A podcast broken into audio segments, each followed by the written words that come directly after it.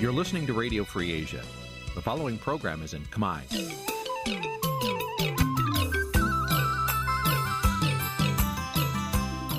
នេះជាកម្មវិធីផ្សាយ Vuthu Azizi Serai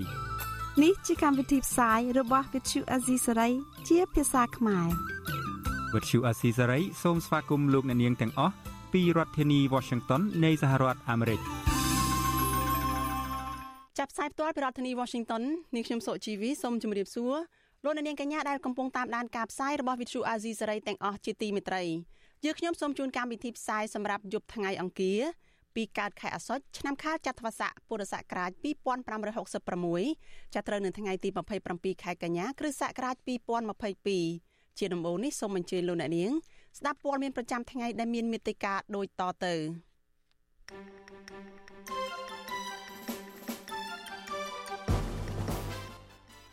សង្គមស៊ីវិលចង់ឃើញរដ្ឋាភិបាលទប់ស្កាត់អំពើលាងលុយកខ្វក់ឲ្យមានប្រសិទ្ធភាព។បកកាន់អំណាចនឹងកោជបរក្សាជំហរមិនដកពាក្យប្តឹងលោកសុនឆៃទឹកចំនួនធ្វើឲ្យមនុស្សស្លាប់ជាច្រើនអ្នកនិងខូចខាតផលដំណាំនៅខេត្តមួយចំនួនវេទិកាអ្នកស្ដាប់វិទ្យុអាស៊ីសេរីពិភាក្សាពីផលវិបាកនានាប្រសិនបើកម្ពុជាធ្លាក់ចូលក្នុងបញ្ជីខ្មៅនៃអំពើលាងលុយកខ្វក់ រួមនឹងព័ត៌មានសំខាន់ៗមួយចំនួនទៀត។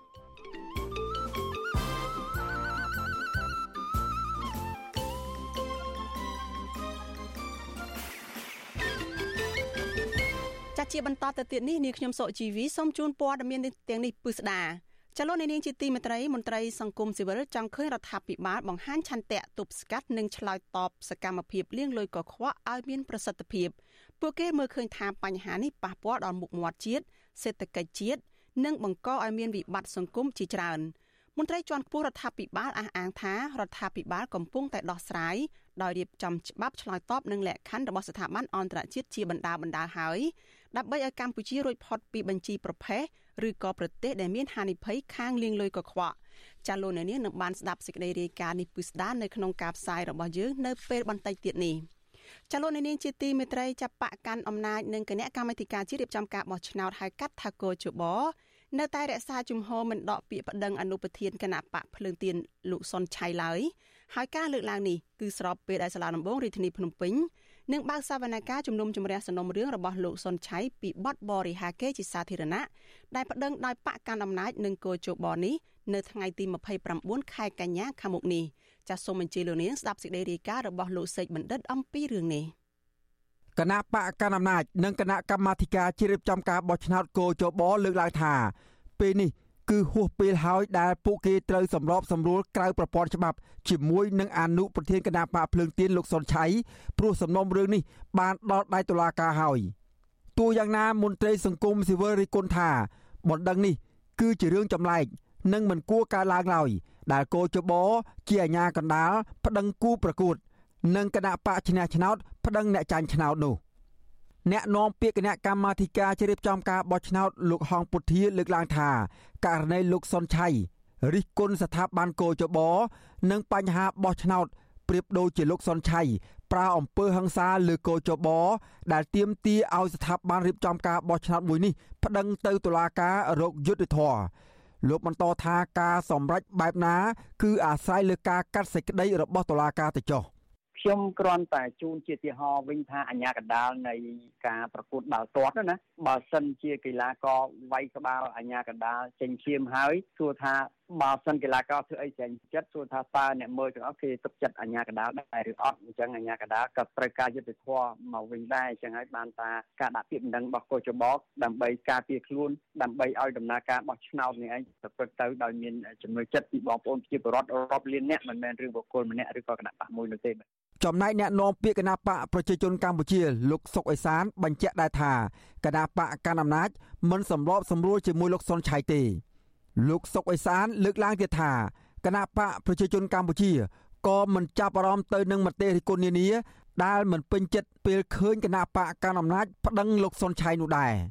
និយាយគ្នាពេលដែលមិនទាន់ធ្លាក់ដល់ដៃតឡាការរឿងនឹងបើរឿងនឹងធ្លាក់ដល់ដៃតឡាការហើយគេជប់និយាយគ្នាហើយ តាមគម្រោងនៅថ្ងៃទី29ខែកញ្ញាខាងមុខសាលាដំបងរាជធានីភ្នំពេញ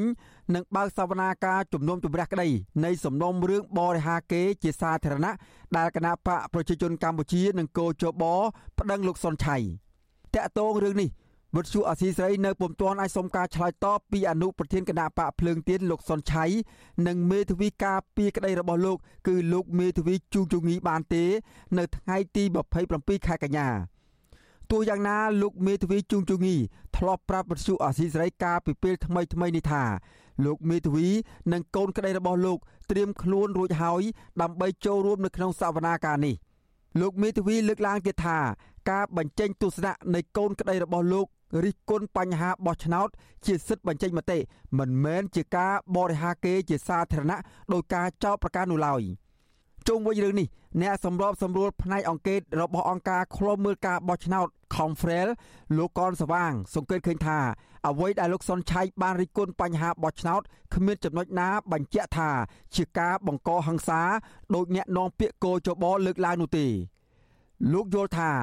មុនគណៈបកកណ្ដាលអំណាចនិងគោចបប្តឹងអនុប្រធានគណៈបកភ្លើងទៀនលោកសុនឆៃស្ថាប័នទាំងពីរនេះគួរមានការពន្យល់ជាផ្លូវការទៅលោកសុនឆៃជាមុនសិន លោកយល់ថាទោះមានប្រព័ន្ធតុលាការចាត់ការអ្នករិះគន់បញ្ហាបោះឆ្នោតក៏មិនអាចបំបិតសម្លេងរិះគន់បញ្ហានេះបានទេដរាបណា ស្ថាប័នបោះឆ្នោតមួយនេះមិនបានកែលម្អចំណុចខ្វះខាតរបស់ខ្លួននៅឡើយនោះ រឿងពីរខុសគ្នាណាការបង្ករបួសស្នាម ការលើកឡើងការសង្ស័យអំពីការរៀបចំ វាខុសពីការវាយទៅអញ្ញាកដាលការលើកឡើងនេះបើសិនជា នៅគណៈបកយោបាយនោះណាទៅកំតិចស្ថាប័នកោយបហ្នឹងអាហ្នឹងគឺមានន័យថាវាជាបញ្ហាមិនត្រឹមត្រូវគ្រប់គ្រងទាន់ប៉ុន្តែការលើកឡើងវាមិនមែនមានហេតុដោយការប្រៀបធៀបហ្នឹងទេ គណៈបកប្រជាជនកម្ពុជាបានប្តឹងអនុប្រធានគណៈបកភ្លើងទៀនលោកសុនឆៃពីបទបរិហាគេជាសាធារណៈកាលពីថ្ងៃទី24មិថុនានិងទាមទារសំណងជំងឺចិត្តជាលុយចំនួន1លានដុល្លារដូចគ្នានេះដែរគណៈកម្មាធិការជ្រៀបចំការបោះឆ្នោតមានតំណែងតំណងជាមួយបកកណ្ដាលអំណាចក៏បានដាក់ពាក្យបណ្ដឹងលោកសុនឆៃពីបទបរិហាគេដូចគ្នានេះដែរនិងទាមទារឲ្យលោកសុនឆៃធ្វើលិខិតសុំទោសជាសាធារណៈ បណ្ដឹងទាំងពីរកើតឡើងក្រោយពីដែលលោកសុនឆៃបញ្ចេញព័ត៌មានជាសាធារណៈដែលលោកបានរិះគន់ការបោះឆ្នោតឃុំសង្កាត់អាណត្តិទី5កន្លងទៅ ថាមានការបំផិតបំភ័យប្រជាពលរដ្ឋនិងមិនឆ្លុះបញ្ចាំងពីឆន្ទៈរបស់ប្រជាពលរដ្ឋជាដើមលោកសុនឆៃតែងតែអះអាងដដែលដដែលថាលោកមិនមាននិយាយខុសពីការពិតឡើយ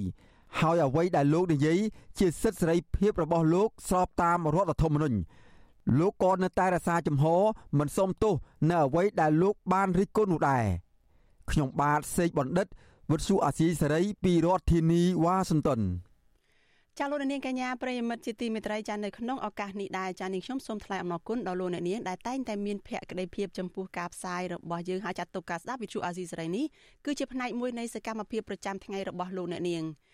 ចាការគ្រប់គ្រងរបស់លោកនាងនេះហើយដែលធ្វើយើងខ្ញុំកាន់តែមានទឹកចិត្តខ្លាំងថែមទៀតចានៅក្នុងការស្វែងរកព័ត៌មាននិងផ្តល់ព័ត៌មានពិតជូនលោកអ្នកនាង ចាមានអ្នកស្ដាប់មានអ្នកទស្សនាកាន់តែច្រើនកាន់តែធ្វើឲ្យយើងខ្ញុំមានភាពស្វាហាប់និងមោះមុតជាបន្តទៅទៀតចាលោកអ្នកនាងអាចជួយយើងខ្ញុំបានដោយគ្រាន់តែលោកអ្នកនាងចុចចុចចែករំលែកឬក៏ share ការផ្សាយរបស់ Vithu Azizi សេរីនេះចាទៅកាន់មិត្តភ័ក្តិរបស់លោកអ្នកនាងដើម្បីឲ្យការផ្សាយរបស់យើងនេះបានទៅដល់មនុស្សកាន់តែច្រើនចាលោកអ្នកនាងកញ្ញាប្រិយមិត្តជាទីមេត្រីចាព័ត៌មានមួយទៀតតកតងនឹងសមាគមគ្រូបង្រៀនកម្ពុជាឯករាជ្យឯនេះវិញ ចាសាលារដ្ឋាភិបាលភ្នំពេញបានចេញលិខិតមួយអញ្ជើញសមាគមគ្រូបង្រៀនកម្ពុជាឯករាជ្យឲ្យចូលរួមប្រជុំជជែកពីគម្រោងដើរហែក្បួនអបអរទិវាគ្រូបង្រៀនពិភពលោកចាឆ្លើយតបរឿងនេះសមាគមគ្រូបង្រៀនកម្ពុជាឯករាជ្យអះអាងថានឹងចូលរួមប្រជុំដើម្បីជំរុញឲ្យសាលារដ្ឋាភិបាលភ្នំពេញជួយសម្របសម្រួលឲ្យអ្នកចូលរួមអាចដើរហាយក្បួនដោយដែលពួកគេបានជូនដំណឹងទៅសាលារដ្ឋាភិបាលចាពីរដ្ឋធានី Washington អ្នកស្រីម៉ៅសុធានីរាយការណ៍ព័ត៌មាននេះ សាលារាជធានីភ្នំពេញអញ្ជើញថ្នាក់ដឹកនាំសមាគមគ្រូបង្រៀនកម្ពុជាឯករាជ្យចូលរួមក្នុងកិច្ចប្រជុំនៅថ្ងៃទី28ខែកញ្ញាខាងមុខដើម្បីពិភាក្សាអំពីការរៀបចំប្រពៃទិវាគ្រូបង្រៀនពិភពលោក ដែលក្រុងធ្វើនៅថ្ងៃទី5ខែតុលាខាងមុខសមាគមគ្រូបង្រៀនកម្ពុជាឯករាជ្យបានជូនដំណឹងទៅសាលារាជធានីភ្នំពេញ ពីគម្រោងដែលសមាគមក្រុងធ្វើការជួបជុំនិងដើរហែក្បួន នៅទីតាំងសំខាន់សំខាន់មួយចំនួននៅរាជធានីភ្នំពេញដើម្បីជំរុញទៅរដ្ឋាភិបាលឲ្យគិតគូរពីការដំឡើងប្រាក់ខែគ្រូបង្រៀនប្រធានសមាគមគ្រូបង្រៀនកម្ពុជាឯករាជ្យអ្នកស្រីអុកឆៃយ៉ាវីឲ្យវិទ្យុអសីស្រីដឹងនៅថ្ងៃទី27ខែកញ្ញាថាអ្នកស្រីនិងក្រុមការងារនឹងចូលរួមក្នុងកិច្ចប្រជុំតាមការអញ្ជើញរបស់សាលារាជធានីភ្នំពេញ អ្នកស្រីឲ្យដឹងថាតាមគម្រោងការប្រពៃទិវាគ្រូបង្រៀនពិភពលោក នៅថ្ងៃទី5ខែតុលាខាងមុខសមាគមក្រុងជប់ជុំមនុស្សជាង150នាក់សម្ដែងមតិនិងមានការដើរហែកក្បួនទៅក្រសួងអប់រំ និងខុទ្ទកាល័យលោកនាយករដ្ឋមន្ត្រីហ៊ុនសែនជាដើមទោះយ៉ាងណាអ្នកស្រីមិនសូវមានជំនឿថាសាលារាជធានីភ្នំពេញនឹងបង្កភាពងាយស្រួលដល់ការជួបជុំនោះទេបាទ អ្វីដែលការយល់ឃើញរបស់ខ្ញុំមិនខុសពីរៀងរាល់ឆ្នាំទេសាលាក្រុងមិនដែលអនុញ្ញាតឲ្យសមាគមគ្រូបរិញ្ញាកម្ពុជាឯករាជ្យប្រមូលផ្ដុំទៅតាមគោលការណ៍របស់យើងទេ គឺតែងតែគូសបន្ទាត់គូសវងឲ្យយើងឈរនៅកន្លែងទីតាំងណាមួយដែលគិតថាងាយស្រួលក្នុងការគ្រប់គ្រងរបស់គេអញ្ចឹងអ្នកស្រីអុកឆាយាវីបញ្ជាក់ថាការរៀបចំប្រពៃទិវាគ្រូបង្រៀនពិភពលោកនេះ គឺជាឱកាសគ្រូបង្រៀនលើកឡើងពីការលំបាករបស់ខ្លួនជាពិសេសគឺបញ្ហាប្រាក់ខែគ្រូបង្រៀនសពថ្ងៃដែលនៅតែទាបនៅឡើយតាក់ទងបញ្ហានេះវិទ្យុស៊ីស្រីមិនអាចសុំការឆ្លើយតបពីអភិបាលរងសាលារាជធានីភ្នំពេញលោកកើតឆែនិងលោកមានច័ន្ទយ៉ាដាដែលជាអ្នកចេញលិខិតអញ្ជើញសមាគមគ្រូបង្រៀនកម្ពុជាឯករាជ្យបាននៅឡើយទេនៅថ្ងៃទី27ខែកញ្ញា ចំណែកឯអគ្គលេខាធិការនិងជាអ្នកនាំពាក្យក្រសួងអប់រំលោករស់សុវិចាក៏មិនអាចសុំការអធិប្បាយបានដែរនៅថ្ងៃដដែលនេះទោះយ៉ាងណាប្រធានអង្គភិបអ្នកនាំពាក្យរដ្ឋាភិបាលលោកផៃស៊ីផាន លើកឡើងថាការជួបជុំសម្ដែងមតិណាមួយមិនត្រូវធ្វើឲ្យប៉ះពាល់ដល់សន្តិភាពសាធារណៈនោះឡើយលោកទៀមទាទៅសមាគមគ្រូបង្រៀនកម្ពុជាឯករាជ្យឲ្យគោរពតាមការណែនាំរបស់សាលារាជធានីភ្នំពេញ។ ដើរជាក្បួនជាអីហ្នឹងទៅត្រូវតែធ្វើកិច្ចការជាមួយនឹងសាលាក្រុងតែជាកិច្ចការមួយតើការដើរផលយើងមានចំនួនប្រមាណអ្នកដើរតាមផ្លូវណាទៅផ្លូវណាតើវាប៉ះពាល់ដល់សម្ដាប់ធ្នាប់នៃការធ្វើដំណើរឬចរាចរណ៍សាធារណៈទេដោយឡែកអ្នកនាំពាក្យសមាគមការពារសិទ្ធិមនុស្សអាត់ហុកលោកសង្សានការណាសង្កេតឃើញថានៅពេលដែលអង្គការសង្គមស៊ីវិលឬក៏សមាគមការពារសិទ្ធិមនុស្ស ជួបជុំគ្នាសម្ដែងមតិម្ដងម្ដង តែងត្រូវបានសាលារាជធានីភ្នំពេញរដ្ឋបិទក្នុងការជួបជុំសម្ដែងមតិនោះមន្ត្រីសិទ្ធិមនុស្សជំរុញទៅសាលារាជធានីភ្នំពេញគួរចាប់ផ្ដើមបង្ហាញការគោរពសិទ្ធិសេរីភាពនៃការជួបជុំឲ្យបានទូលំទូលាយដោយច្បាប់បានចែងលោកបន្តទៀតថានៅពេលអាជ្ញាធរឬរដ្ឋាភិបាលអនុញ្ញាតឲ្យមានការជួបជុំរដ្ឋាភិបាលក៏នឹងទទួលបានផលប្រយោជន៍នេះដែរ។ ជាអាញាធរនឹងត្រូវតែទម្លាក់នៅអាវបកនយោបាយរបស់ខ្លួននឹងចោលត្រូវមកប្រកាន់ទូនីតិជាអាញាធរមានសមត្ថកិច្ចដោយមានជំហរឯករាជ្យអព្យាក្រឹតមិនត្រូវតែខាងមួយខាងណាអាចធ្វើបានមួយខាងនោះមិនអាចធ្វើបានមិនមែនអញ្ចឹងទេគួរតែសម្របសម្រួលបែបម៉េចឲ្យគេមានលទ្ធភាពធ្វើឡើងដូចគ្នាដោយមិនភ្ជាប់ជាមួយនឹងនិន្នាការឬក៏ទស្សនៈនយោបាយរបស់ក្រមនេះក្រមនោះឡើយបាទ ជារៀងរាល់ឆ្នាំថ្ងៃប្រពៃទិវាគ្រូបង្រៀនពិភពលោកសមាគមគ្រូបង្រៀនកម្ពុជាឯករាជ្យតែងទាមទារទៅរដ្ឋាភិបាលឲ្យដំឡើងប្រាក់ខែគ្រូបង្រៀនឲ្យបានសមរម្យដើម្បីឲ្យគ្រូបង្រៀនមានពេលវេលាគ្រប់គ្រាន់ក្នុងការរៀបចំមេរៀនបង្រៀនសិស្សដោយមិនចាំបាច់បើកបង្រៀនគួរក្រៅម៉ោងឬក៏ត្រូវប្រកបរបរទី2ផ្សេងទៀតដើម្បីទ្រទ្រង់ជីវភាពនោះឡើយ។ ទោះយ៉ាងណាប្រមាណឆ្នាំចុងក្រោយនេះប្រាក់ខែគោលរបស់គ្រូបង្រៀនមិនទាន់ត្រូវបានរដ្ឋាភិបាលដំឡើងនៅឡើយទេសមាគមគ្រូបង្រៀនได้ដឹងថាគ្រូបង្រៀនកម្រិតបឋមទទួលបានប្រាក់ខែគោលជាង60ម៉ឺនរៀលក្នុងមួយខែគ្រូបង្រៀនកម្រិតអនុវិទ្យាល័យទទួលបានប្រាក់ខែគោលជាង70ម៉ឺនរៀលនិងគ្រូវិទ្យាល័យទទួលបានជាង80ម៉ឺនរៀលចាននាងខ្ញុំម៉ៅសុធានីវិទ្យុអាស៊ីស្រីប្រធានាធិបតី Washington ចាលោកនាងកញ្ញាប្រិយមិត្តជាទីមេត្រីចាលោកអ្នកកំពុងតែតាមដានការផ្សាយរបស់ Vithu Azizi សេរីចាផ្សាយចេញពីរដ្ឋធានី Washington សហរដ្ឋអាមេរិកចាងាកទៅព័ត៌មានតកតនឹងអង្គើលៀងលួយកខ្វក់ឯនេះវិញ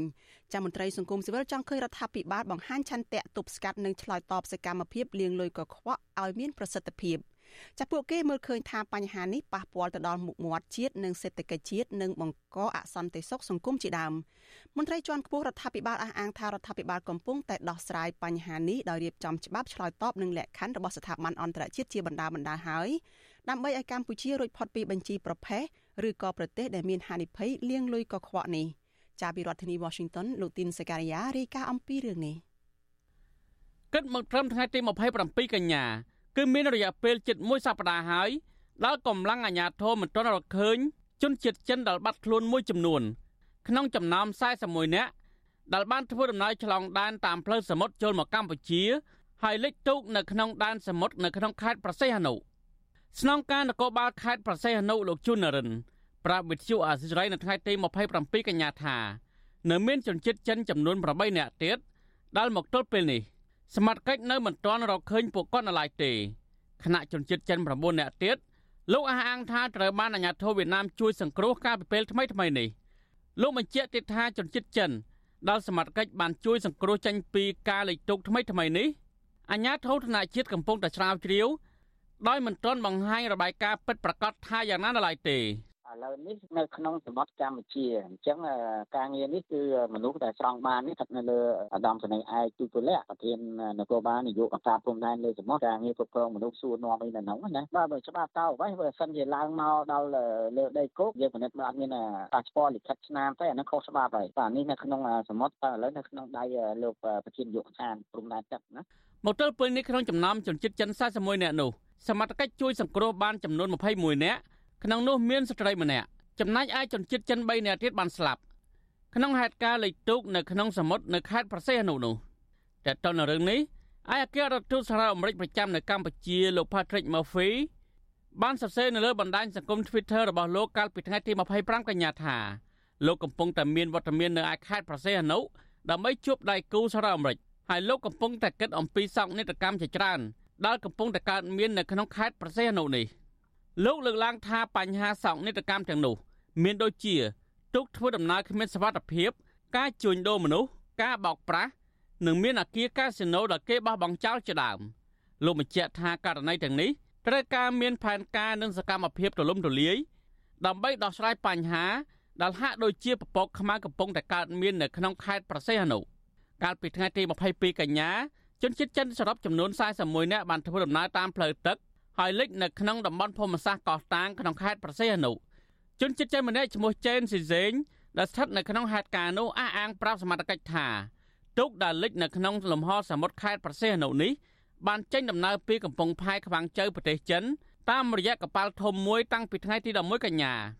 ពេលមកដល់ច្រកសមុទ្រអន្តរជាតិជនជាតិចិនទាំង41នាក់ក៏ផ្លាស់មកធ្វើដំណើរតាមទូកឈើដោយរួមជាមួយតែកងជនជាតិខ្មែរ2នាក់ ជនរងគ្រោះដដាលអះអាងថារហូតមកដល់ថ្ងៃទី22កញ្ញាស្រាប់តែមានទូកមួយផ្សេងទៀតមានគ្នា6នាក់មកទទួលអ្នកបើកទូក2នាក់ដែលរួមដំណើរជាមួយពួកគេ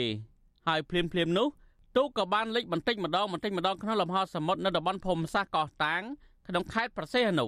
ជុំវិញនឹងរឿងនេះមន្ត្រីសង្គមស៊ីវិលលើកឡើងថាប្រសិនបើជនជាតិចិនដែលរងគ្រោះដោយសារលិចទូកនោះពិតជាត្រូវចាញ់បោកមេខ្យល់ ឲ្យមកធ្វើការនៅកម្ពុជាពិតមែននោះ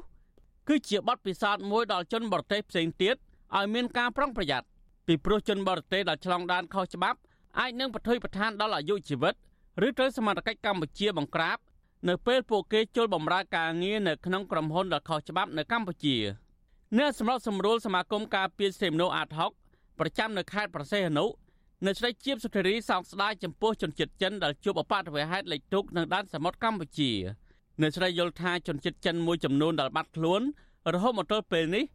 ហាក់នៅមានមន្ទិលច្រើនការសោកស្ដាយហើយមានការណាត់ដល់ពួកគាត់យើងក៏អត់តាន់បានទទួលដំណឹងជាបន្តទៀតថាអ្នកដែលយើងបានជួយសង្គ្រោះមកហ្នឹងខាងរដ្ឋបាលខេត្តសែននុលោកតាន់បានធ្វើការចែករំលែកនៅព័ត៌មានថាតើពួកគាត់ដែលយើងបានស្រង់មកហើយនៅមានជីវិតហ្នឹងតើពួកគាត់មកក្នុងគោលបំណងដើរកំសាន្តឬគាត់ត្រូវបានមេខ្យល់បោកបញ្ឆោតនាំមករកការងារធ្វើនៅខេត្តសែន នុនៅស្រីជាបសុធារីនៅតែបន្តជំរុញដល់អាជ្ញាធរឲ្យខិតខំប្រឹងប្រែងរកជនរងគ្រោះដែលបាត់ខ្លួនព្រមទាំងបង្ហាញព័ត៌មាននិងរបាយការណ៍នៃលទ្ធផលស៊ើបអង្កេតចុងក្រោយដល់ដំណាភាពនិងទូលាយដើម្បីឲ្យសាធារណជនបានដឹងខ្ញុំទីនសាការីយ៉ាអស៊ីសេរីប្រធានីវ៉ាស៊ីនតោន ចាលោកនាងកញ្ញាជាទីមេត្រីចាសេចក្តីរាយការណ៍មិញមិញដោយលោកទីនសការីយ៉ានេះគឺតកតងនឹងសមត្ថកិច្ចនៅមិនទាន់រកឃើញជនជាតិចិនចំនួន8នាក់ដែលបាត់ខ្លួននៅក្នុងហេតុការណ៍គ្រោះថ្នាក់លិចទូកចូលទៅក្នុងសមុទ្រនៅខេត្តព្រះសីហនុនៅពេលថ្មីថ្មីនេះចាលោកនាងជាទីមេត្រីចាតកតងទៅនឹងផលវិបាកនៃការលាងលុយកខ្វក់ឬក៏ការធ្លាក់ចូលទៅក្នុងបញ្ជីលាងលុយកខ្វក់វិញម្ដងចាកម្ពុជាកំពុងជាប់ឈ្មោះនៅក្នុងបញ្ជីប្រភេទ នៃប្រទេសមានហានិភ័យគ្រោះថ្នាក់ខាងអំពើលាងលុយកខ្វក់ដែលតម្រូវឲ្យពិភពលោកបង្កើនការតាមដានអង្គការអន្តរជាតិផ្នែកប្រឆាំងអំពើលាងលុយកខ្វក់បានជំរុញរដ្ឋាភិបាលកម្ពុជាកែលម្អស្ថានភាពនេះបើពុំដូច្នោះទេគេនឹងអំពាវនាវដល់ប្រទេសនានានៅលើពិភពលោកឲ្យត្រួតពិនិត្យឡើងវិញនៅរាល់ទំនាក់ទំនងនិងប្រតិបត្តិការអាជីវកម្មទាំងអស់ជាមួយកម្ពុជា ចាស់ជុំវិញរឿងនេះឋានៈដឹកនាំជាន់ខ្ពស់នៃរដ្ឋាភិបាលកម្ពុជាក៏ធ្លាប់បានលើកឡើងដែរថាកម្ពុជានឹងចាប់ប្រសិនបើធ្លាក់ចូលទៅក្នុងបញ្ជីខ្មៅនៃអង្គើលៀងលុយកខ្វក់មែននោះចតាកម្ពុជាអាចនឹងរអិលធ្លាក់ចូលទៅក្នុងបញ្ជីខ្មៅនៃប្រទេសលៀងលុយកខ្វក់ដែរឬទេហើយបើដល់ចំណុចនោះមែនតើវានឹងមានផលវិបាកបែបណាខ្លះដល់កម្ពុជាតើអ្វីខ្លះជាដំណោះស្រាយដើម្បីឲ្យកម្ពុជា អាចជៀសផុតពីបញ្ហានេះ ចាសសូមអញ្ជើញលោកអ្នកនាងរងចាំទស្សនាវេទិកានៃស្ដាប់វិទ្យុអាស៊ីសេរីនៅក្នុងយុគនេះចាដែលនឹងជជែកពិភាក្សាអំពីបញ្ហានេះចាលោកអ្នកនាងអាចចូលរួមបញ្ចេញមតិយោបល់ឬក៏សួរវាគ្មិនរបស់នីតិយើងដោយផ្ទាល់ដោយដាក់លេខទូរស័ព្ទរបស់លោកអ្នកនាងនៅក្នុងខ្ទង់ comment របស់ Facebook ឬ YouTube របស់វិទ្យុអាស៊ីសេរីចាក្រុមការងាររបស់យើងនឹងហៅទៅលោកអ្នកនាងវិញ។អាស៊ីសេរី ចលនានាងកញ្ញាប្រិយមិត្តជាទីមេត្រីងាកមកព័ត៌មានតកតងនឹងទឹកជំនន់នៅក្នុងខេត្តភៀកខាងជើងឬក៏ភៀកពាយ័ព្យនៃប្រទេសកម្ពុជាឯនេះវិញចាស់ទឹកជំនន់ទឹកភ្លៀងបន្តគម្រាមកំហែងដល់អាយុជីវិតប្រជាពលរដ្ឋនិងដំណាំផ្លូវថ្នល់នៅក្នុងខេត្តកំពង់ធំនិងខេត្តមួយចំនួនទៀតព្រមទាំងបង្កផលប៉ះពាល់ទៅដល់ជីវភាពរបស់កសិកររាប់ពាន់គ្រួសារ ចាំមកដល់ពេលនេះគឺមានមនុស្សជាង10នាក់មកហើយដែលបានស្លាប់ហើយពលរដ្ឋរស់នៅតំបន់ទំនាបនៅតាមដងស្ទឹងសែននិងស្ទឹងស្ទូងបារម្ភថាស្រូវរាប់ពាន់ហិកតាដែលត្រៀមនឹងប្រមូលផល កំពុងប្រឈមការខូចខាតប្រសិនបើទឹកមិនស្រកនៅក្នុងអំឡុងពេលនេះចាលោកជាតិចំណានរាយការណ៍អំពីរឿងនេះប្រជាកសិករជាច្រើនគ្រួសាររស់នៅតំបន់ទំនាបតាមបណ្ដោយស្ទឹងស្ទូងចំនួន12ឃុំក្នុងស្រុកស្ទូងនិងស្រុកមួយចំនួនទៀតក្នុងខេត្តកំពង់ធំ អំពាវនាវឲ្យរដ្ឋាភិបាលនិងស្ថាប័នពាក់ព័ន្ធជួយកសិករដែលរងគ្រោះដោយគ្រោះមហន្តរាយទឹកជំនន់ឲ្យទាន់ពេលវេលាដើម្បីសម្រាលទុក្ខលំបាករបស់ពួកគាត់ពលរដ្ឋរស់នៅតាមបណ្ដោយស្ទឹងស្ទងក្នុងស្រុកស្ទងលោកឆាយចែងប្រាប់វិទ្យុអេស៊ីសរ៉ៃនៅថ្ងៃទី27ខែកញ្ញាថា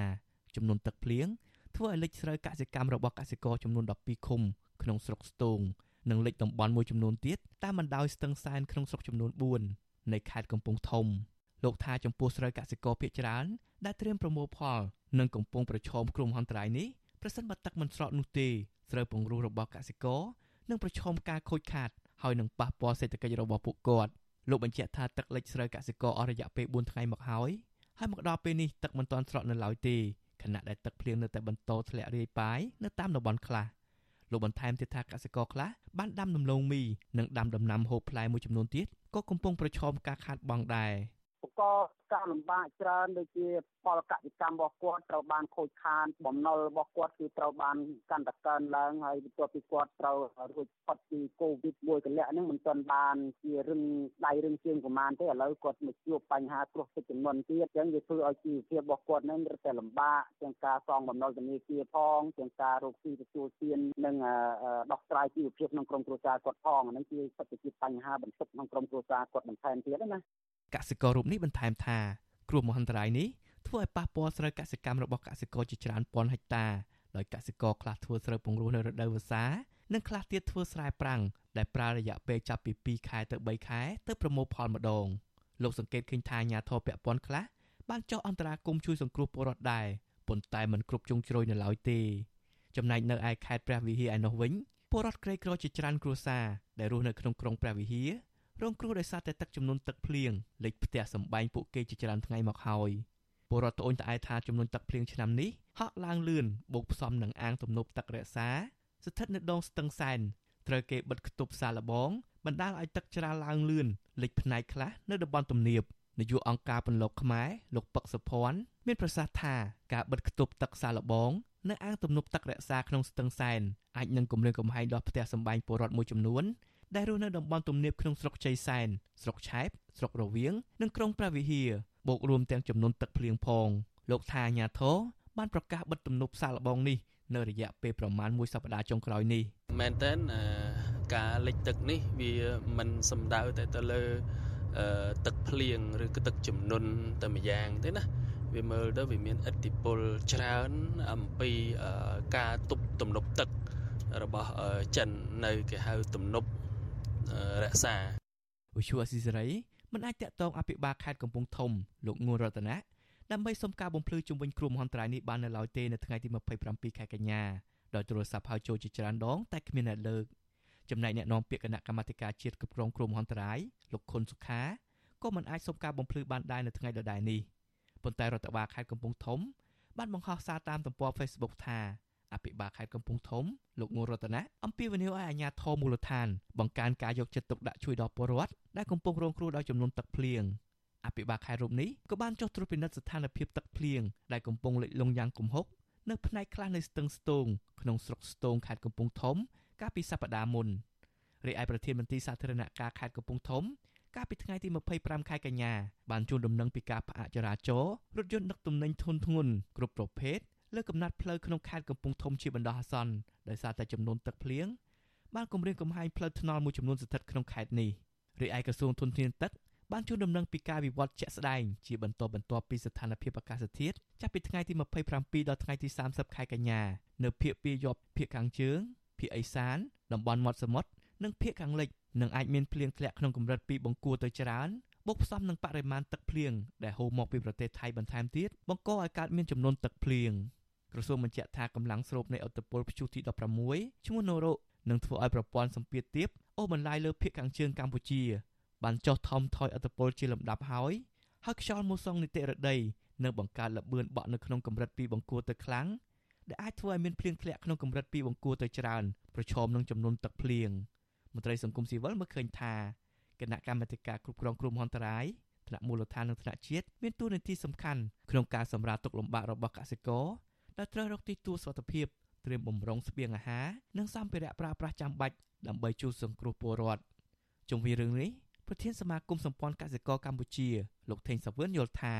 ស្ថានភាពផ្ដល់ជំនួយសង្គមជារឿងចាំបាច់តែរដ្ឋាភិបាលនិងគណៈកម្មការគ្រប់គ្រងគ្រោះមហន្តរាយត្រូវត្រៀមទុនបំរុងជួយកសិករនៅពេលដែលទឹកស្រកដូចជាគ្រាប់ពូជជីដំណាំ និងពូជសត្វចិញ្ចឹមជាដើមជាពិសេសអន្តរាគមន៍ទៅលើស្ថាប័នផ្ដល់ប្រាក់កម្ចី ឲ្យពន្យាពេលសងប្រាក់ត្រឡប់ក្នុងពេលដែលពួកគេកំពុងជួបបញ្ហានេះ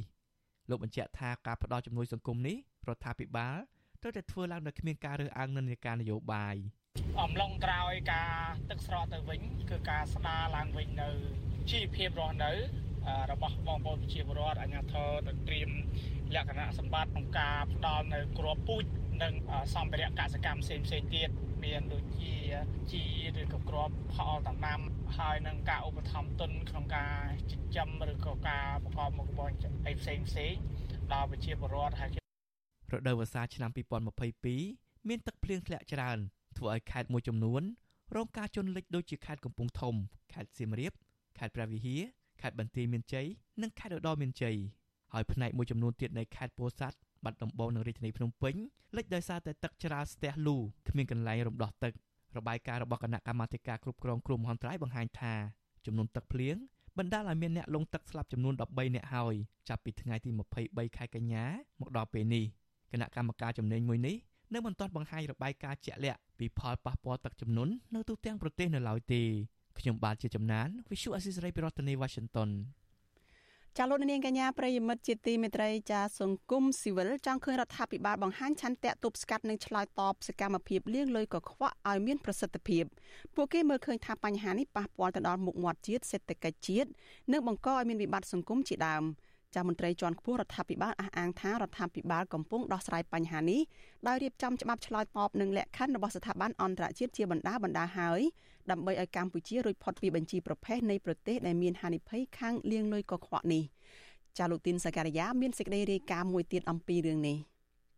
មន្ត្រីសង្គមស៊ីវិលជំរុញឲ្យរដ្ឋាភិបាលបង្ហាញឆន្ទៈពិតប្រាកដទៅអន្តរជាតិថាកម្ពុជាពិតជាមានបំណងក្នុងការអនុវត្តច្បាប់និងទប់ស្កាត់បញ្ហាលាងលុយកខ្វក់ ដើម្បីឲ្យកម្ពុជារួចផុតពីបញ្ជីប្រភេទនៅពេលខាងមុខប្រធានអង្គការសម្ព័ន្ធកេណនីយភាពសង្គមកម្ពុជាលោកសនជ័យលើកឡើងថាការដល់ស្ថាប័នអន្តរជាតិបានដាក់កម្ពុជាតាក់ទងនឹងបញ្ហាលាងលុយកខ្វក់និងបញ្ហាជួញដូរមនុស្សកន្លងមកនេះមិនមែនជារឿងល្អឡើយលោកថាបញ្ហានេះគឺប៉ះពាល់ដល់មុខមាត់រដ្ឋាភិបាលលើឆាកអន្តរជាតិនិងបាត់បង់អ្នកវិនិយោគល្អៗដែលចូលមកបណ្ដាក់ទុននៅកម្ពុជា ប្រសិនបើរដ្ឋាភិបាលយឺតយ៉ាវឆ្លើយតបទៅនឹងរបាយការណ៍ទាំងនោះឲ្យមានប្រសិទ្ធភាពនោះលោកមើលឃើញថាកន្លងមករដ្ឋាភិបាលចាត់វិធានការដោះស្រាយកម្រិតមន្ត្រីស្ថាប័នជំនាញដែរប៉ុន្តែប្រសិទ្ធភាពឬយ៉ាងណានោះលោកមិនអាចវាតម្លៃបានទេ អាស្រ័យលើការអនុវត្តនិងការឆ្លើយតបរបស់រដ្ឋាភិបាលព្រមទាំងការត្រួតពិនិត្យពីស្ថាប័នជំនាញនៅក្រៅប្រទេស ដរាបណាដែលមានការឆ្លើយតបយឺតឬមួយក៏វិធានការដែលអនុវត្តទៅมันមានប្រសិទ្ធភាពវាអាចធ្វើឲ្យទី1ការមើលឃើញទៅលើមុខមាត់របស់កម្ពុជានៅលើឆាកអន្តរជាតិនឹងមិនល្អហើយទី2វាអាចថានឹងប៉ះពាល់ទៅដល់ការវិនិយោគព្រោះយើងដឹងហើយអ្នកវិនិយោគត្រឹមត្រូវមកពីប្រទេសស្អាតស្អំគេមិនហ៊ានទេចំណែកឯអគ្គលេខាធិការសហព័ន្ធនិស្សិតបញ្ញវន្តកម្ពុជាលោកគិនពន្លកលើកឡើងថា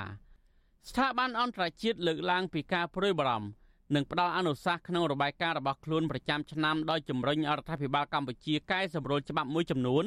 រួមទាំងពង្រឹងការអនុវត្តឲ្យបានត្រឹមត្រូវដើម្បីកុំឲ្យកម្ពុជាស្ថិតនៅក្នុងបញ្ជីខ្មៅឬបញ្ជីប្រភេទ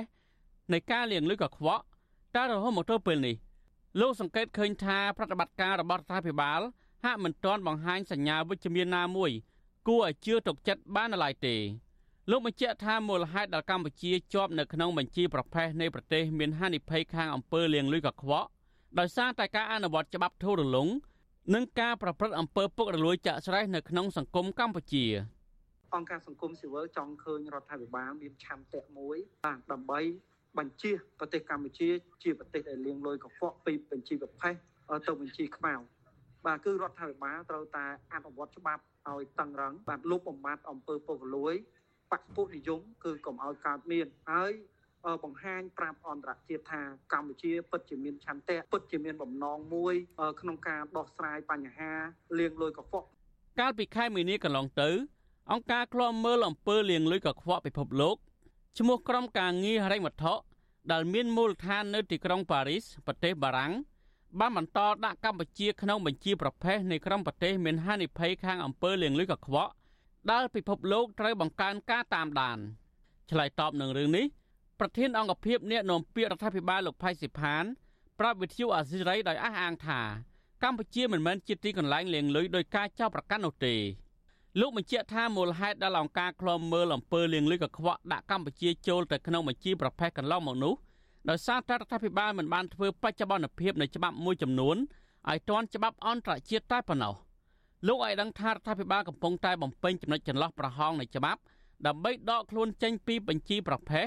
នៃប្រទេសលៀងលឺកខ្វក់បញ្ជីប្រភេទហ្នឹងមិនមែនតែកម្ពុជាម្នាក់ឯងទេគឺប្រទេសមួយចំនួនដែលអត់ទាន់ឆ្លើយតបទៅលើច្បាប់ទៅលើគោលការណ៍ទៅលើវិធានការនិងយន្តការនិងការអនុវត្តនេះឯងមិនមែនបានសេចក្តីថាបានធ្វើបានទទួល រងនៅអង្គើលៀងលុយដែលនៃការចាត់ប្រកាន់តាមវិធានការថ្មីនៃច្បាប់អន្តរជាតិនេះនៅឡើយទេបាទទោះជាយ៉ាងណាកាលពីថ្ងៃទី8កញ្ញារដ្ឋមន្ត្រីក្រសួងមហាផ្ទៃលោកសខេងថ្លែងថាបញ្ហាលៀងលុយកខ្វក់កំពុងតែជះឥទ្ធិពលមិនល្អដល់មុខមាត់កម្ពុជាលោកបន្តថាប្រសិនបើកម្ពុជាធ្លាក់ចូលទៅក្នុងបញ្ជីខ្មៅនៃប្រទេសលៀងលុយកខ្វក់នោះរដ្ឋនិងវិស័យឯកជននឹងជួបការលំបាកដូច្នេះ លោកអំពីលនីវដល់ក្រសួងស្ថាប័នពាក់ព័ន្ធត្រូវចូលរួមឲ្យបានខ្លាំងក្លាបន្ថែមទៀតដើម្បីដោះស្រាយបញ្ហាប្រឈមទាំងនេះឲ្យមានប្រសិទ្ធភាពអង្គការឃ្លាំមើលអំពើលាងលុយកខ្វក់ធ្លាប់ជំរុញដល់កម្ពុជាឲ្យបង្ហាញដល់អន្តរជាតិឲ្យឃើញពីការវិវត្តសំខាន់សំខាន់យ៉ាងឆាប់រហ័សក្នុងការបំពេញតាមផែនការសកម្មភាពដែលត្រូវកែលម្អឲ្យបានត្រឹមត្រូវអង្គការនេះប្រមានថាបើពុំដូច្នោះទេ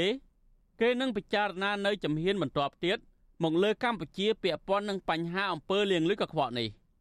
បើតាមអង្គការនេះជំហានបន្ទាប់គឺសំដៅដល់ការអំពាវនាវដល់ប្រទេសជាសមាជិកនិងយុត្ថាធិការទាំងអស់នៅក្នុងពិភពលោកឲ្យបង្កើនការតាមដានត្រួតពិនិត្យលើរាល់ទំនាក់ទំនងនិងប្រតិបត្តិការអាជីវកម្មទាំងអស់ជាមួយកម្ពុជាខ្ញុំធីនសាការីយ៉ាអសិរ័យប្រធានីវ៉ាស៊ីនតោន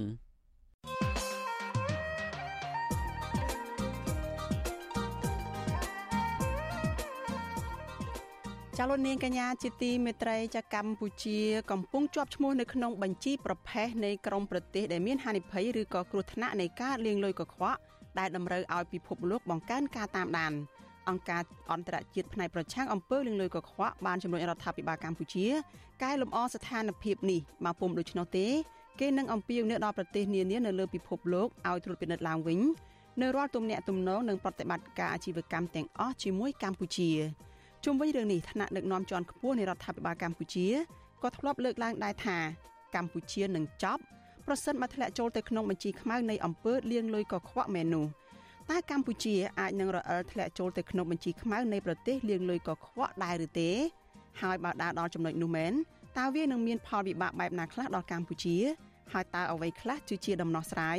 ដើម្បីឲ្យកម្ពុជាជៀសផុតពីបញ្ហានេះ ចាសសូមអញ្ជើញលោកអ្នកនាងរងចាំទស្សនានីតិវេទិកានៃស្ដាប់វិទ្យុអាស៊ីសេរីចាស់នៅក្នុងការផ្សាយរបស់យើងនៅពេលបន្តិចទៀតនេះប្រសិនបើលោកអ្នកនាងមានសំណួរឬក៏ចង់បញ្ចេញមតិយោបល់ចាសលោកអ្នកនាងអាចដាក់លេខទូរស័ព្ទរបស់លោកអ្នកនាងនៅក្នុងខ្ទង់ comment របស់ Facebook និង YouTube របស់វិទ្យុអាស៊ីសេរីចាស់ក្រុមការងាររបស់យើងនឹងផ្ដល់ឱកាសឲ្យលោកអ្នកនាងបានសួរវាគ្មិនឬក៏បញ្ចេញមតិយោបល់នៅក្នុងនីតិវេទិកាអ្នកស្ដាប់របស់យើងនៅពេលបន្តិចទៀតនេះ។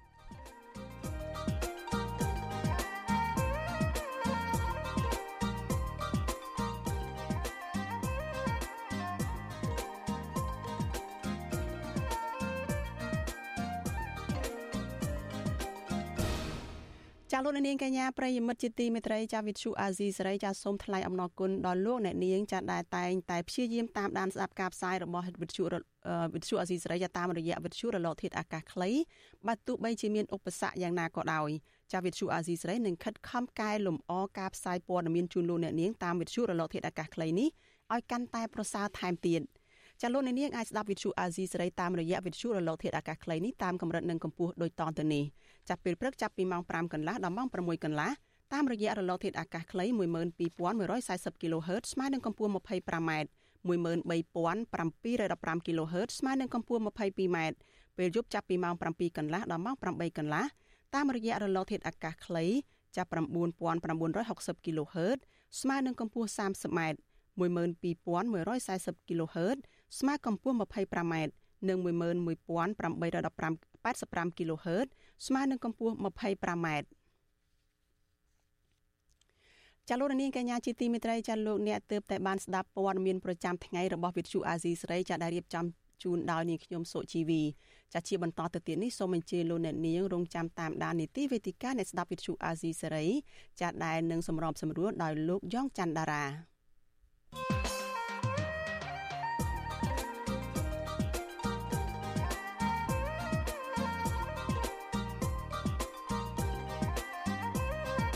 វេទិកាអ្នកស្ដាប់វិទ្យុអាស៊ីសេរី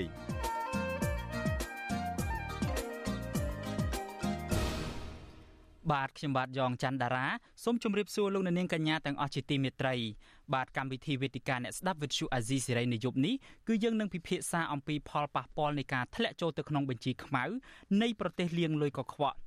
បាទលោកនាងជាទីមេត្រីយើងមានវាគ្មិនកិត្តិយសពីររូបដែលអញ្ជើញចូលរួមជាមួយយើងតាមរយៈប្រព័ន្ធវីដេអូ Skype ទី1គឺលោកបណ្ឌិតមាសនេះដែលលោកជាអ្នកស្រាវជ្រាវផ្នែកអភិវឌ្ឍសង្គមហើយនឹងទី2គឺលោកអឹមនរិនបាទលោកអឹមនរិនគឺជាប្រធានកម្មវិធីជាន់ខ្ពស់នៃអង្គការដំឡាភិបកម្ពុជាខ្ញុំបាទសូមជម្រាបសួរវាគ្មិនទាំងពីរពីចម្ងាយបាទបាទយើងមិនទាន់ឃើញវីដេអូឬមួយក៏សំឡេងរបស់វាគ្មិនទាំងពីរនៅឡើយទេ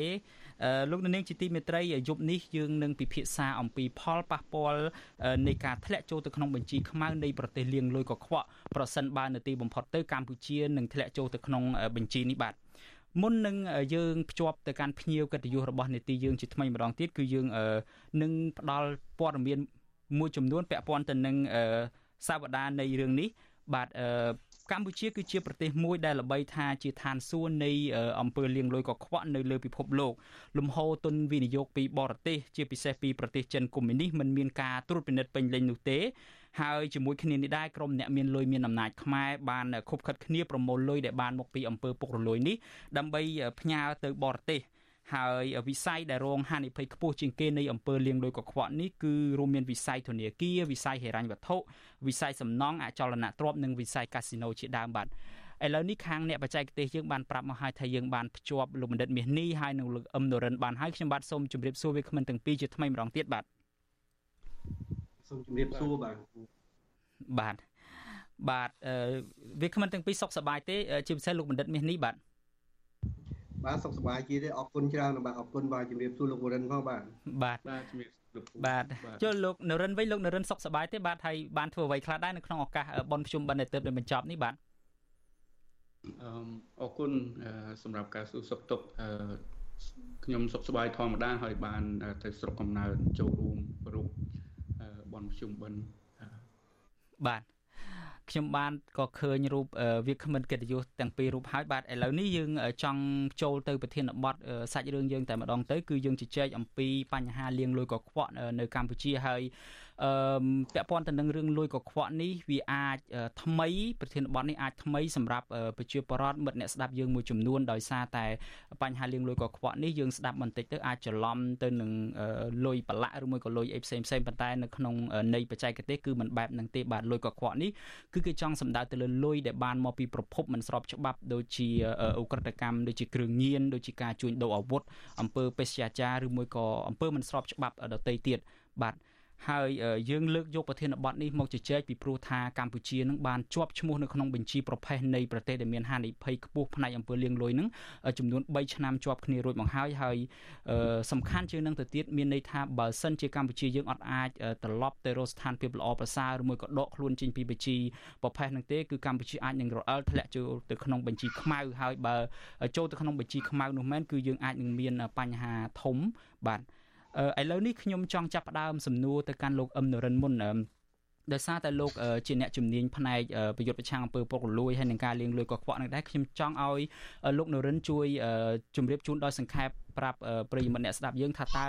អ្វីទៅដែលជាការលាងលុយកខ្វក់នឹងអាចថាវាកើតមានក្នុងរូបភាពយ៉ាងដូចម្ដេចខ្លះក្នុងន័យជាសាមញ្ញដើម្បីឲ្យយើងងាយយល់នឹងបាទ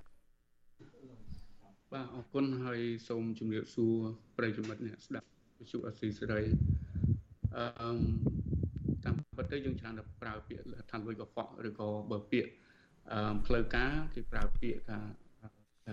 ការសម្អាតប្រាក់ឬក៏សម្អាតសាច់ប្រាក់អញ្ចឹងដូចលោកបានលើកឡើងខាងដើមដែរគឺជាផ្ដោតសំខាន់មិនមែនមានន័យថាលុយលាក់លុយអីទេគឺក្នុងន័យថាលុយដែលបានពីផលនៃនៃបទល្មើស មានន័យថាបទល្មើសគឺវាកើតឡើងជាផលដែលកើតឡើងដោយដោយសារមិនស្របច្បាប់ហើយនិយមន័យនៃការសម្អាតប្រាក់ឬក៏ការលាងលុយនេះមានកំណត់នៅក្នុងច្បាប់ស្តីពីការប្រយុទ្ធប្រឆាំងការសម្អាតប្រាក់ឬក៏ការលាងលុយហ្នឹងហើយនឹងហិរញ្ញវទានភារវកម្ម ដែលនិយមន័យនឹងវែងប៉ុន្តែយើងអាចសង្ខេបខ្លីគឺសំដៅលើការបំលែងឬក៏ការផ្ទេរទ្រព្យសម្បត្តិដោយដឹងថាទ្រព្យសម្បត្តិនេះជាផលនៃបទល្មើសក្នុងគោលបំណងដើម្បីបាត់បង់ឬក៏ខ្លែងប្រភពដើមមិនស្របច្បាប់នឹងឲ្យឲ្យឲ្យគេចផុតពីផលវិបាកតាមផ្លូវច្បាប់មានន័យថាកែប្រែវាពីលុយដែលបានមកពីអង្គើល្មើសច្បាប់ឲ្យ คล้ายជាប្រាក់ឬក៏លុយដែលដែល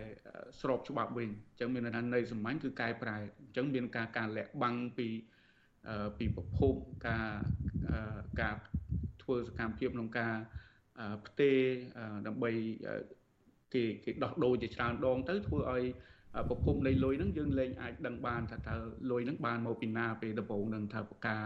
ការទទួលបានលុយនឹងអាចពាក់ព័ន្ធទៅនឹងអំពើអក្រិតឬក៏ពាក់ព័ន្ធទៅនឹងសកម្មភាពដែលខុសច្បាប់ដែរឬទេអញ្ចឹងការបិទបាំងការខ្លែងការការខ្លែងសភាវៈពិតឬក៏ប្រភពទីតាំងសិទ្ធិចាត់ចែងចលនាឬក៏កម្មសិទ្ធិឬក៏សិទ្ធិលើទ្រព្យសម្បត្តិដោយដឹងថាទ្រព្យសម្បត្តិនេះបានមកបានមកពីបទល្មើសហ្នឹងអញ្ចឹងអាចអាចសង្ខេបមកវិញថាគឺការដូច ខ្ញុំបានបញ្ជាក់ខាងដើមអញ្ចឹងគឺការបំលែងលុយឬក៏ថវិកាដែលបានមកមិនស្របច្បាប់ឲ្យទៅជាថវិកាមួយដែលបាត់ពីប្រភពមានន័យថាលេខដឹងពីប្រភពដើមថាតើពីដើមហ្នឹងមានពាក់ព័ន្ធទៅនឹងអង្គើខុសច្បាប់អីខ្លះបាទលោកនរិនលោកអាចបញ្យលអាចឲ្យជាឧទាហរណ៍ដោយខ្លីបានទេថាតើយើងអាចប្រជាប្រដ្ឋអាចយល់បានដោយរបៀបណាក្នុងន័យសាមញ្ញ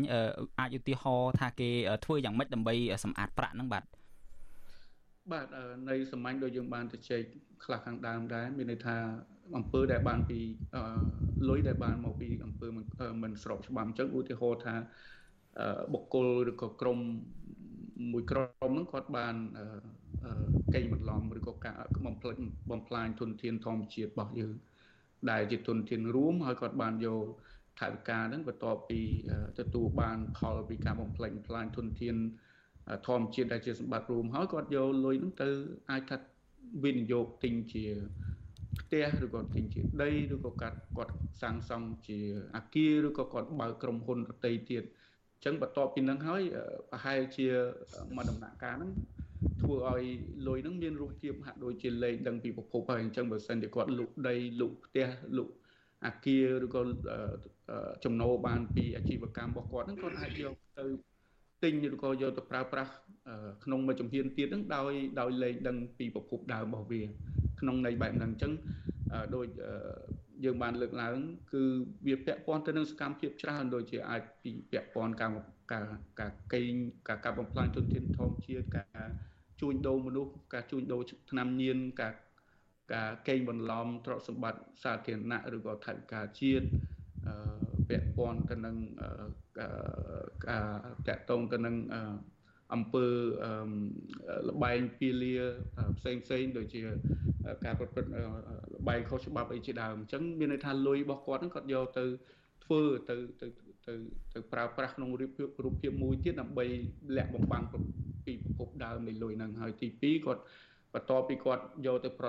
យកទៅទិញយកទៅលក់ហើយគាត់អាចទិញលក់មកតង់ទៀតដើម្បីបង្វែរមានន័យថាធ្វើឲ្យបាត់ប្រភពដើមតែម្ដងបាទអរគុណលោកនរិនបាទខ្ញុំបាទចង់ងាកមកលោកបណ្ឌិតមាសនេះវិញម្ដងលោកបណ្ឌិតមាសនេះសូមលោកបណ្ឌិតជួយអាចឲ្យឧទាហរណ៍ក្នុងន័យសាមញ្ញសាមញ្ញបន្ថែមពីលើអ្វីដែលលោកនរិនបានបញ្យល់នេះថាទេហើយអ្វីដែលលោកមើលឃើញថាជាការអនុវត្តជាក់ស្ដែងនៅប្រទេសកម្ពុជាថាតើកើតមានក្នុងរូបភាពជាទូទៅបែបណាវិញបាទ បាទសូមអរគុណហើយសូមជម្រាបសួរលោកបរិនម្ដងទៀតហើយនឹងលោកតារាផងបាទស្ដាប់ខ្ញុំបានច្បាស់ទេខាងនោះបាទច្បាស់លោកបណ្ឌិតបាទបាទនៅក្នុងនៃសាមញ្ញនៃពាក្យថាការលាងលុយកខ្វក់នេះយើងដឹងថាលុយកខ្វក់គឺជាលុយដែលបានមកពីអំពើទុច្ចរិតផ្សេងផ្សេងឬអំពីអក្រិតកម្មផ្សេងផ្សេងរួចហើយគេយកលុយហ្នឹងយកមកលាង បានន័យថាគេបញ្ចូលទៅប្រើប្រាស់សម្រាប់ទិញឬក៏ប្រកបរបររកស៊ីណាមួយដែលស្របច្បាប់បានន័យថាយករបស់ដែលមិនស្របច្បាប់យកមកបញ្ចូលនឹងរបររស៊ីមួយឬក៏ដំណើរការមួយដែលវាស្របច្បាប់រួចហើយអាលទ្ធផលចុងក្រោយគឺលុយនឹងវាបាត់ដានហើយបាត់ដាននៃលុយកខ្វក់ដល់ដូចលោកបរិនលើកឡើងពីរឿងនៅស្រុកយើងចាស់ខ្ញុំមិនទាន់ទៅលើកអំពីស្រុកក្រៅទេឧបមាថា យើងរកស៊ីបងធនធានធម្មជាតិអីមួយដែលវាមិនស្របច្បាប់ឧទាហរណ៍ថាកាប់ឈើយើងដឹងថាការកាប់ឈើវាមិនមែនជាអំពើស្របច្បាប់ទេអញ្ចឹងលុយដែលបានមកអំពីការរកស៊ីឈើគឺជាលុយយើងហៅថាអាចជាលុយកខ្វក់បានន័យថាលុយដែលកើតឡើងអំពីចេញមកពីប្រភពអក្រិតកម្មព្រៃឈើនៅពេលដែលគេយកលុយនឹងមកហើយគេទិញអចលនទ្រព្យឬបង្កើតនៅ មុខរបរផ្សេងផ្សេងឬក៏បង្កើតឲ្យទៅជាយើងហៅថាជាកសិដ្ឋានអីមួយដែលទាំងអស់នេះគឺសិតតែស្របច្បាប់បើយើងមើលឃើញបើអត់មានខុសទេអញ្ចឹងចាប់ពីពេលដែលលុយកខ្វក់នឹងលុយដែលកើតអំពីអំពើអក្រិតនឹងចាប់ផ្ដើមចេញមកធ្វើដំណើរចូលទៅក្នុងមុខរបរមួយដែលស្របច្បាប់ឬទៅទិញអ ចលនទ្រព្យណាមួយដែលស្របច្បាប់មានការចុះបញ្ជីត្រឹមត្រូវគឺពេលហ្នឹងលុយបានคล้ายទៅជាលុយស្អាតលុយដែលគេលាងរួចហើយបាទនេះជារឿងដែលយើងងាយយល់សម្រាប់នៅក្នុងប្រទេសកម្ពុជាយើងមកខ្ញុំសូមនិយាយខ្លីប៉ុណ្្នឹងចោះអំពីបទន័យ នៃពាក្យថាលាងលុយកខ្វក់បាទ បាទលោកបណ្ឌិតខ្ញុំចាប់អារម្មណ៍អ្វីដែលលោកបណ្ឌិតបានមានប្រសាសន៍នឹងហើយនឹងលោកនរិនបានលើកឡើងពីខាងដើមបាញ់មិញដែរប៉ុន្តែក្នុងន័យសាមញ្ញមួយទៀតតើនេះអាចជាការលាងលុយដែរឬទេលោកនរិនប្រសិនបើខ្ញុំរៀបរាប់ទៅនេះលោកអាចជួយវិនិច្ឆ័យបន្តិចមើលឧបមាថាបុគ្គលម្នាក់គាត់មានលុយសុទ្ធគាត់ចូលទៅកាស៊ីណូ កាស៊ីណូនៅស្រុកខ្មែរយើងដូចយើងដឹងហើយថាមានច្រើនរាប់មិនអស់ទេនៅក្នុងរាជធានីភ្នំពេញក្តីនៅខេត្តព្រះសីហនុក្តីគឺមានច្រើនមែនទែនឧបមាថាបុគ្គលម្នាក់ហ្នឹងគាត់យកលុយរបស់គាត់មួយចំនួនយកទៅដូរ យកទៅដូរយកកាក់ដើម្បីលេងល្បែងនៅក្នុងកាស៊ីណូនឹងគាត់ក្រោយមកទៀតគាត់បញ្ចេញលុយរបស់គាត់នឹងដើម្បីយកទៅដូរនៅក្នុងកាស៊ីណូនឹងអាចថាគាត់អះអាងថានឹងជាលុយដែលគាត់បានឈ្នះនៅពេលដែលគាត់លេងល្បែងហ្នឹងហើយត្រឡប់មកវិញចេញពីកាស៊ីណូមកវិញជាលុយមួយយ៉ាងទៀតដែលគាត់អះអាងជាលុយឈ្នះលុយអីចឹងតើនេះអាចជារូបភាពនៃការលាងលុយក្នុងរូបភាពសាមញ្ញសាមញ្ញដែរទេបាទបាទសូមអរគុណអាចចូលរួមខ្លីមានន័យថាអាស្រ័យទៅលើប្រភពខាងដើមរបស់គាត់ ប្រភពលុយមុនពេលដែលគាត់យកទៅលេងនៅក្នុងកាស៊ីណូនឹងថាតើអឺលុយដែលគាត់ទទួលបានហ្នឹងបានតាមមធ្យោបាយបែបណាតើគាត់មានពាក់ព័ន្ធទៅនឹងការប្រព្រឹត្តបទល្មើសដែលរំលោភទៅលើច្បាប់ឧទាហរណ៍ដូចយើងបានលើកឡើងខាងដើមចឹងអាចពាក់ព័ន្ធទៅលើការជួញដូរមនុស្សដែរឬទេពាក់ព័ន្ធទៅនឹងការជួញដូរថ្នាំញៀនដែរឬទេពាក់ព័ន្ធទៅនឹងការបោកប្រាស់ការ កេងបន្លំធនធាន សាធារណៈឬក៏ធនធានរបស់រដ្ឋដែរឬទេឬក៏ពាក់ព័ន្ធទៅនឹងការជួញដូរផ្សេងផ្សេងទៀតដែលដែលជាចាត់ទុកថាជាបទល្មើសនៅក្នុងច្បាប់នឹងអញ្ចឹងបើសិនជាប្រភពនៃលុយហ្នឹងពាក់ព័ន្ធទៅនឹងបទល្មើសហើយគាត់យកទៅលេងហើយបន្ទាប់ពីលេងហើយគាត់អាចអាចថាគាត់អាចបានមានន័យថាអាចចាញ់ឬក៏អាចឈ្នះប៉ុន្តែគាត់បានលុយមកមកចំណែកមកវិញហ្នឹងអាហ្នឹងយើងចាត់ទុកថា ជាជាដំណើរការមួយនៃការលាងលុយដែរប៉ុន្តែសំខាន់ដូចខ្ញុំបញ្ជាក់អញ្ចឹងគឺអាស្រ័យទៅលើប្រភពនៃលុយហ្នឹងតើលុយហ្នឹងគាត់បានពីណាមកបាទអរគុណបាទលោកនរិនបាទលោកនាងជាទីមេត្រីយើងកំពុងតែជជែកអំពីបញ្ហាពាក់ព័ន្ធទៅនឹងរឿងលុយកខ្វក់ហើយប្រធានបទនេះមានការចាប់អារម្មណ៍ច្រើនពីមិត្តអ្នកស្ដាប់របស់យើងឥឡូវនេះមុននឹងបន្តការជជែកជាមួយវាគ្មិនកិត្តិយសទាំងពីររូបយើងមានអ្នកស្ដាប់ម្នាក់ហៅចូលមកគាត់ឈ្មោះអ្នកសវណ្ណពីប្រទេសថៃលោកអ្នកសវណ្ណបើសិនជាលោកឮខ្ញុំសូមបាទសូមជម្រាបសួរបាទ បាទជម្រាបសួរបាទបាទលោកអ្នកសវណ្ណលោកមានការឆ្ងល់ត្រង់ចំណុចណាឬមួយក៏មានទស្សនៈចង់បញ្ចេញយោបល់យ៉ាងដូចម្ដេចខ្លះចំពោះប្រធានបទយើងនៅពេលនេះបាទខ្ញុំខ្ញុំមានចំណុចឆ្ងល់ច្រើនបាទបាទសូមអញ្ជើញលោកបាទគឺខ្ញុំជឿខ្ញុំជឿថានេះពួកអឺពួកនេះនេះដែលលៀងលុយកខ្វក់ទាំងអស់ទាំងឡាយទៅហ្នឹងគឺมันអាចធ្វើបែបអុយអីចោលថា ហើយនេះអន្តរជាតិគេទទួលបានទទួលស្គាល់បានទេបាទខ្ញុំជឿជាក់ចឹងបាទគឺគឺលុយលៀងលុយលុយលៀងលុយខកនៅប្រទេសកម្ពុជាយើងច្រើនបាទពុកលុយដូចខ្ញុំមកធ្វើការនៅស្រុកគេដូចគ្នាបាទគឺវេទនាដំណាហើយពួកខាងទីគេមានការទៅជួយផ្ដល់ឲ្យខ្ញុំនឹងគុណដល់ឯលោកនាយករដ្ឋមន្ត្រីហ៊ុនសែនពីដើមខ្ញុំជិះចាប់នៅខ្ញុំជិះចាប់ បាទលោកមានជាសំណួរអីបន្ថែមទេលោកបាទបាទខ្ញុំមានសំណួរថាអេគឺខ្ញុំក៏លឹមខ្ញុំក៏ភ្លេចចាំជំរាបសួរអេអ្នក recommend ទាំងពីរហើយនឹង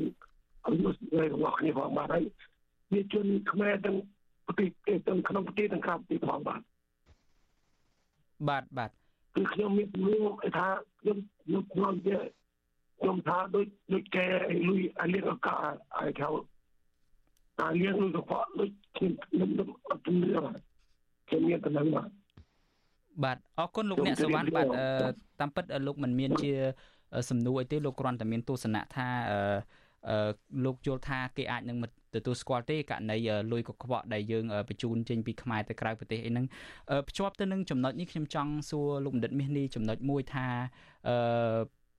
បើយើងនិយាយក្នុងន័យជាទូទៅនៅប្រទេសកម្ពុជាយើងតាមរបាយការណ៍ដែលគេបានដាក់ចំណាត់ថ្នាក់ក្នុងវិជីប្រភេទហ្នឹងយើងមានហានិភ័យខ្ពស់មែនទែននៃការលាងលុយកខ្វក់ហ្នឹងហើយយើងអាចនឹងឈានទៅរអិលធ្លាក់ចូលទៅក្នុងវិជីខ្មៅទៀតបើសិនជាយើងកែប្រែស្ថានភាពអត់បានល្អហើយ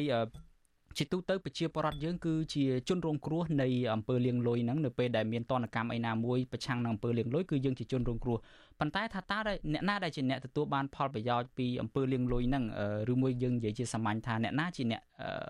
លាងលុយកខ្វក់ទាំងអស់ហ្នឹងឬមួយក៏បដែតបដោយឲ្យមានការលាងលុយហ្នឹងបាទលោកដិតអាចសកត់ធ្ងន់ចំណុចនេះយ៉ាងដូចម្ដេចបាទបាទសូមអរគុណអឺបើយើងមើលពីការខំប្រឹងប្រែងរបស់រដ្ឋាភិបាលចាប់តាំងពីឆ្នាំ2020ក្រោយពីកម្ពុជាបានត្រូវគេដាក់នៅក្នុងបញ្ជីប្រភេទ បាទបញ្ជីប្រភេទនេះបើនិយាយឲ្យងាយស្រួលស្ដាប់បានន័យថាគេមិនទាន់បញ្ចូលទៅក្នុងពណ៌ខ្មៅទេបាទបាទកាលណាចូលទៅក្នុងពណ៌ខ្មៅនឹងមានវិធានការអន្តរជាតិជាច្រើនទៀតដែលគេត្រូវនឹងដាក់ហើយវានឹងប៉ះពាល់ធ្ងន់ធ្ងរដល់សេដ្ឋកិច្ចរបស់យើងបាទអឺនៅក្នុងការលាងលុយនេះវាមានចេញហើយនឹងចូលវាមានការលាងលុយក្នុងស្រុកហើយមានការយកលុយកខ្វក់ពីក្នុងស្រុកទៅលាងនៅក្រៅប្រទេសហើយនឹងយកលុយអ្នកដែលយកលុយកខ្វក់ ពីក្រៅប្រទេសឬនាំលុយកខ្វក់ពីក្រៅប្រទេសចូលមកនៅក្នុងស្រុកបាទដូចជាយើងឃើញថាក្រោយពីកម្ពុជាបានដាក់នៅក្នុងពណ៌ប្រផេះមកហ្នឹងគឺមានលុយប្រមាណជាជិត4លានដុល្លារបានត្រូវគេរកឃើញ ដែលយកចូលតាមច្រកតាមវ៉ាន់ធីនៅផ្លូវជើងយន្តហោះបាទហើយក្នុងនឹងក៏មានបង្ក្រាបករណីប្រមាណជា70ករណីជាង រួមទាំងការរឹបអូសនៅរថយន្តរាប់ពាន់គ្រឿងណាប្រមាណជា3000គ្រឿងទៀតនេះគ្រាន់តែក្រោយពីការប្រកាសនៅពណ៌ប្រផេះដាក់ពណ៌ប្រផេះនៅកម្ពុជា យើងរកឃើញប៉ុណ្ណឹងរួចទៅហើយបើអញ្ចឹងសំណួរដែលសួរថាតើអានេះវាគ្រាន់តែជាដុំតកកមួយនៅក្នុងមហាសមុទ្រតកក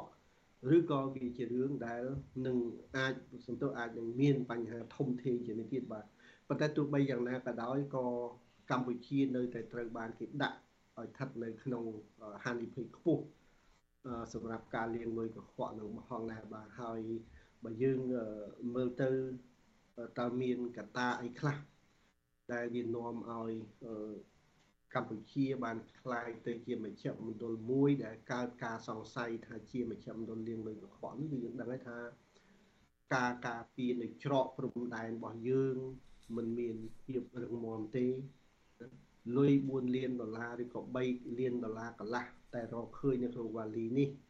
គឺតាមរយៈជនជាតិចិនដែលធ្វើដំណើរតាមវាលយន្តហោះដែលមានកាមេរ៉ាសុវត្ថិភាពមានប្រដាប់សម្រាប់ scan ត្រឹមត្រូវហើយមានការពិនិត្យត្រួតពិនិត្យតាមដំណាក់ដំណាក់តឹងរឹងក៏ប៉ុន្តែគេនៅតែយកចូលបាននេះយើងនិយាយអំពីកន្លែងដែលមានសម្ភារៈគ្រប់គ្រាន់មានឧបករណ៍គ្រប់គ្រាន់សម្រាប់ពិ និត្យនៅតែគេអាចយកបានចុះនៅព្រំដែនតំបន់ដទៃទៀតដែលมันមានឧបករណ៍នោះថាតើទំហំនៃការចេញចូលនៅលុយកខ្វក់ហ្នឹងតើមានទំហំប៉ុណ្ណាហើយខ្ញុំលើកឧទាហរណ៍មួយថ្មីថ្មីដែលខ្ញុំចេះតែគិតថាតើជនជាតិចិនដែលលិចទូកណានៅកោះតាងដែលមកពីខ្វាងជើណាហើយរួចហើយចម្លងតាមទូកឈើតូចមួយ ចូលមកក្នុងប្រទេសកម្ពុជានឹងតើជនជាតិចិនទាំងអស់នោះមានគិតស្របច្បាប់យ៉ាងណាក្នុងការចូលមកក្នុងប្រទេសកម្ពុជាហើយបើយើងពិនិត្យមើលនៅជុំវិញករណីនៃការចូលតាមច្រកមួយដែលមិនមានច្រកដែលមិនមែនជាច្រកអន្តរជាតិនោះតើតើមានអ្នកណាខ្លះដែលពាក់ព័ន្ធក្នុងការអនុញ្ញាតឲ្យទូកធំមួយដែលមកឆ្លងមហាសាគរធំពីប្រទេសចិនហើយចូលមកបន្តដាក់ ចូលមកក្នុងទូកតូចដើម្បីនាំចូលមកក្នុងប្រទេសកម្ពុជាខ្ញុំខ្ញុំចាប់អារម្មណ៍ទៅលើនេះហើយខ្ញុំចង់ដឹងតទៅទៀតថាឋានៈនៃការចូលស្រុករបស់ជនជាតិចិនហ្នឹងមានស្ថានភាពស្របច្បាប់ប៉ុណ្ណាហើយបើសិនជាខុសច្បាប់តាមច្រកហ្នឹងតើករណីមួយនេះវាអាចជាករណីបណ្ឌជាតំណាងនៃករណីជាច្រើនទៀតដែលយើងមិនបានដឹងហើយវាមិនមានអបតហេតុកើតឡើងដោយពីពេលមុននៅពេលដែល ទីក្រុងកំពង់សោមកំពុងតែពេញចំនួននៃការហូរចូលនៃជនជាតិចិននោះថាតើជនជាតិចិនទាំងអស់នេះសិតតែចូលមកតាមរយៈស្របច្បាប់ទាំងអស់ឬមួយក៏អាចមានចេញចូលប្រសេកប្រសាយតាមផ្លូវទឹកហើយបើសិនជាចូលប្រសេកប្រសាយតាមផ្លូវទឹកនោះតើតើអញ្ញាធរដែលការពីព្រំដែនទឹកនោះមានជាប់ពាក់ពិននៅក្នុងរឿងនឹងដែលអត់បាទនេះជារឿងសំខាន់មួយដំបូងហើយ ទី2ទៀតក៏យើងនៅប្រទេសយើងនេះគឺប្រព័ន្ធសម្រាប់បញ្ជូនលុយចុះឡើងតាមធនាគារហ្នឹងក៏មិនទាន់មានការត្រួតពិនិត្យរឹងមាំនៅឡើយទេគឺបានន័យថាវានៅតែអាចជាចន្លោះមួយដែលបើកផ្លូវឲ្យអក្រិតជននឹងអាចនាំលុយយកមកលាងនៅក្នុងស្រុកខ្មែរបានហើយការសង្ស័យធំមួយតែខ្ញុំតែងតែធ្វើការប្រៀបធៀបយើងដឹងហើយថានៅក្នុងប្រទេសចិនកាលពីជិត10ឆ្នាំមុនខ្ញុំនៅចាំ ប្រទេសចិនទទួលបាននៅការវិនិយោគទុនពីបរទេសនឹងច្រើនមែនទែនរហូតដល់ពេលមួយនោះប្រទេសចិនបានប្រកាសនៅភាពអាសន្នមួយដើម្បីផ្អាកនៅការវិនិយោគទុនចូលក្នុងប្រទេសចិនដោយមូលហេតុដើម្បីការពារនៅការនាំចូលលុយកខ្វក់បានន័យថាលុះត្រាតែគេត្រួតពិនិត្យត្រឹមត្រូវហើយបានគេអនុញ្ញាតបន្តឲ្យចូលទៅវិនិយោគទុននោះទៅទៀតបាទហើយបើយើងប្រៀបធៀបនៅក្នុងស្ថានភាពប្រទេសកម្ពុជាយើង នៅក្នុងសម័យកាលដែលអឺយើងហៅថា honeymoon នៅរាត្រីទឹកឃុំនៅក្នុងអំឡុងពេលដែលមានការវិវត្តយ៉ាងលឿននៅលើអចលនទ្រព្យនៅក្នុងទី